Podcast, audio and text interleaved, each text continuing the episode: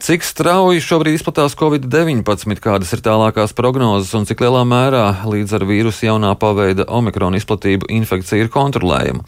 Par to šajā brīdī izvaicāsim slimību profilakses un kontrolas centra infekcijas slimību riska analīzes un profilakses departamenta direktoru Juriju Perevoščikovu. Labrīt! Labrīt! Vispirms, kā jūs raksturotu aizvadīto nedēļu, cik strauji palielinājusies saslimstība ar Covid-19? Nu, ja katra pirmdiena mēs noteikti varam uh, spriest un diskutēt par pagājušu nedēļu. Cipari apkopoti, mēs redzam, ka statistika pasliktinās.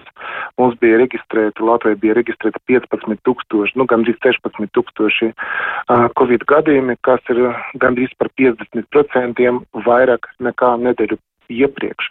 Bet, lai būtu saprotams, ar ko var salīdzināt, tad mēs varam salīdzināt ar situāciju tieši, kurā bija oktobra beigas, kad bija maksimāla saslimstība pirms mājas sēdes ieviešanas. Un no šī līmeņa mums šīs nu, pagājušā nedēļa faktiski atdalā tikai 6%. Par 6% uh, jaunu atklātu gadījumu skaits bija mazāk. Tad mēs varam arī teikt, ka ļoti būtiski pieauga arī pozitīvo paraugu e, testu īpatsvars, un tie bija 16% no visiem paraugiem. Faktiski sim, no 100 cilvēkiem 16 uh, bija konstatēts, no 100 testētiem cilvēkiem 16 ir konstatēta infekcija. Un pārsvarā tie, protams, būtu tie cilvēki, kuriem ir simptomi. Skringa laika, kad mēs pārbaudām veselus cilvēkus, vienkārši uh, pēc epidemioloģiskām indikācijām, tur ir šis procents ir mazāks. Ja, bet uh, kopumā izplatība ir ļoti strauja strauja un, uh, un plaša, un uh, tas ir saistīts ar omikrona iedarbību. Iepriekš uh, tik liels pozitīvu paraugu skaits, epidēmijas laika vēl nebija novērots. Mums mēs varam arī teikt, ka katrs desmitais Covid pacients, kurš bija atklāts pagājušajā nedēļā, ir tieši tāpēc, ka bija veikts izglītības ministrijas skrīnings. Un uh, ir iestažu skrīnings, tātad bērni, skolēni un pedagogi.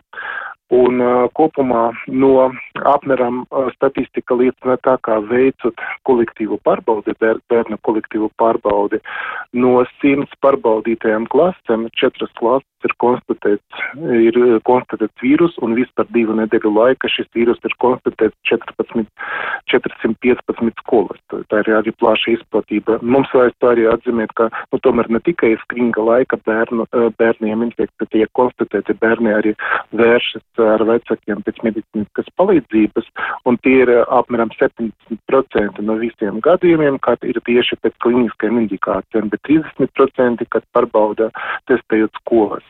Mums ir ļoti svarīgi arī pievērst uzmanību ļoti būtiskajam epidemioloģiskajam indikātoram ir eh, reproduktivitātes koeficients infekcijai.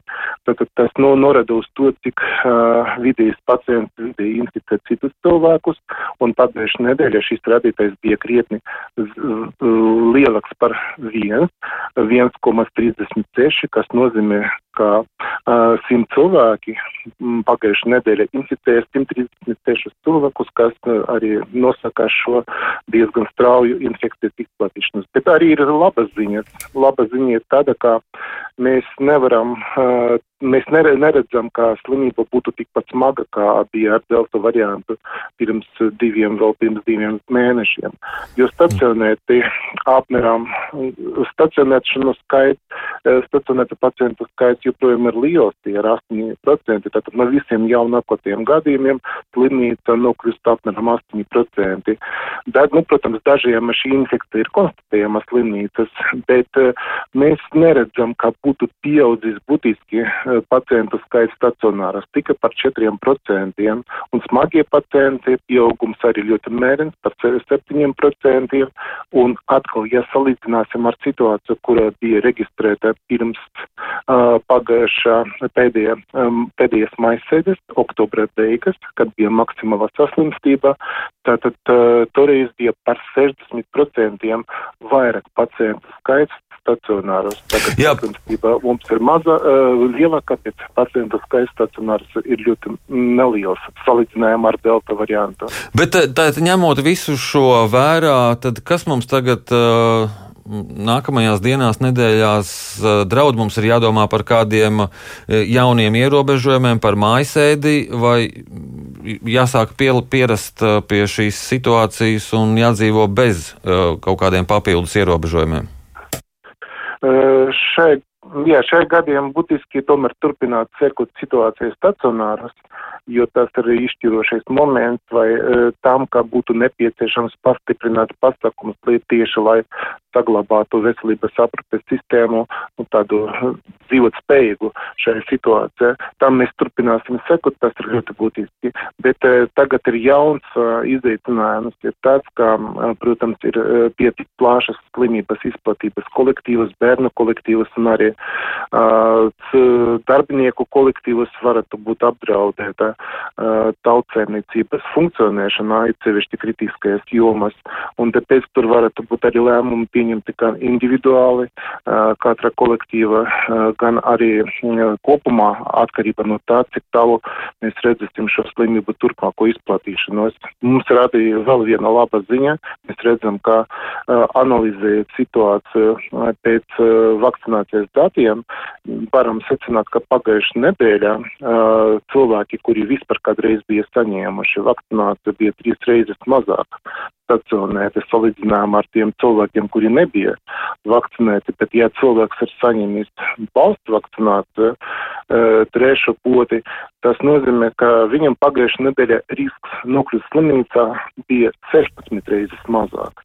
Mhm. Bet, ja mēs runājam par uh, letalitāti, par navas gadījumiem Covid dēļ, tad, tad vakcinētie cilvēki pagājušajā nedēļā miruši četras reizes retāk salīdzinājumā mhm. ar nevakcinētiem, bet neviens cilvēks pagājušajā nedēļā, kuram būtu veikta, kuram ir veikta valsts vakcinācija, nav mīļas. Tad Jā. šīs efekts, vakcinācija efekts ir ļoti, ļoti būtisks, un to vajadzētu ņemt vērā, uh mhm. -huh. tieši vērtējot veselības aprūpes sistēmas noslogojumu un cilvēka veselības nu, izredze uh, slimot viegli vai smagi. Jā. Man jāsaka jums paldies par šo sarunu. Atgādinu, ka mēs sazinājāmies ar Slimību profilakses un kontrolas centra infekcijas slimību riska analīzes un profilakses departamenta direktoru Juriju Perevošķiko.